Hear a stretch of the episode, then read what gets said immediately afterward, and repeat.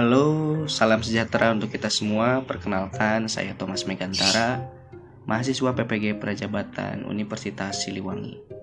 Pada kesempatan kali ini, saya akan mempresentasikan tentang desain instruksional yang telah saya buat sebagai bagian dari ujian tengah semester mata kuliah, pengajaran dan pembelajaran daring atau bauran.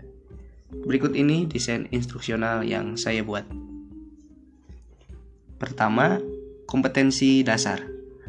Kompetensi dasar yang saya pilih adalah 3.1 dan 4.1. KD 3.1 yaitu memahami dan menerangkan konsep berpikir kronologis atau diakronis, sinkronis, ruang, dan waktu dalam pembelajaran sejarah. Sedangkan KD 4.1 yaitu menyajikan keterkaitan antara konsep berpikir kronologis atau diakronis, sinkronis, ruang, dan waktu dalam sejarah.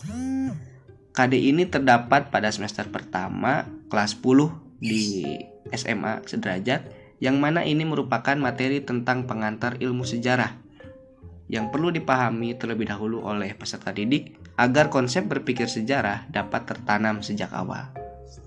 Indikator pencapaian kompetensi yang saya susun yaitu 3.1.1 tentang menjelaskan konsep kronologis, 3.1.2 mendemonstrasikan konsep sinkronis, 3.1.3 menelaah konsep ruang dan waktu, dan 4.1.1 menunjukkan keterkaitan konsep kronologi, sinkronis, ruang, dan waktu dalam sejarah.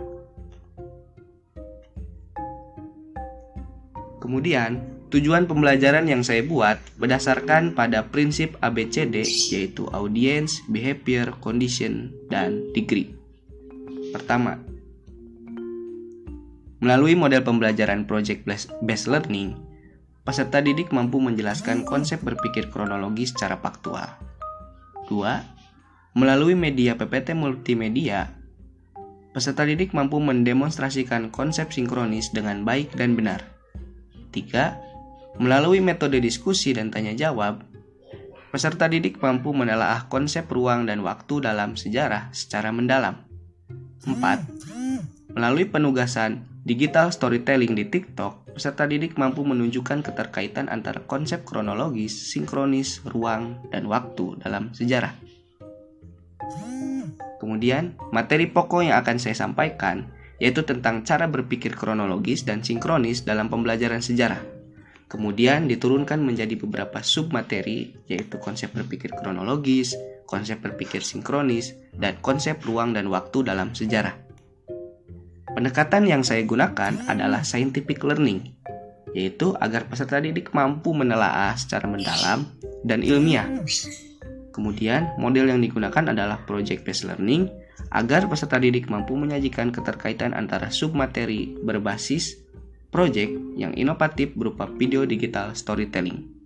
Kemudian, agar penyampaian materi lebih mendalam, digunakanlah metode pembelajaran berupa metode ceramah, tanya jawab, dan diskusi kelompok.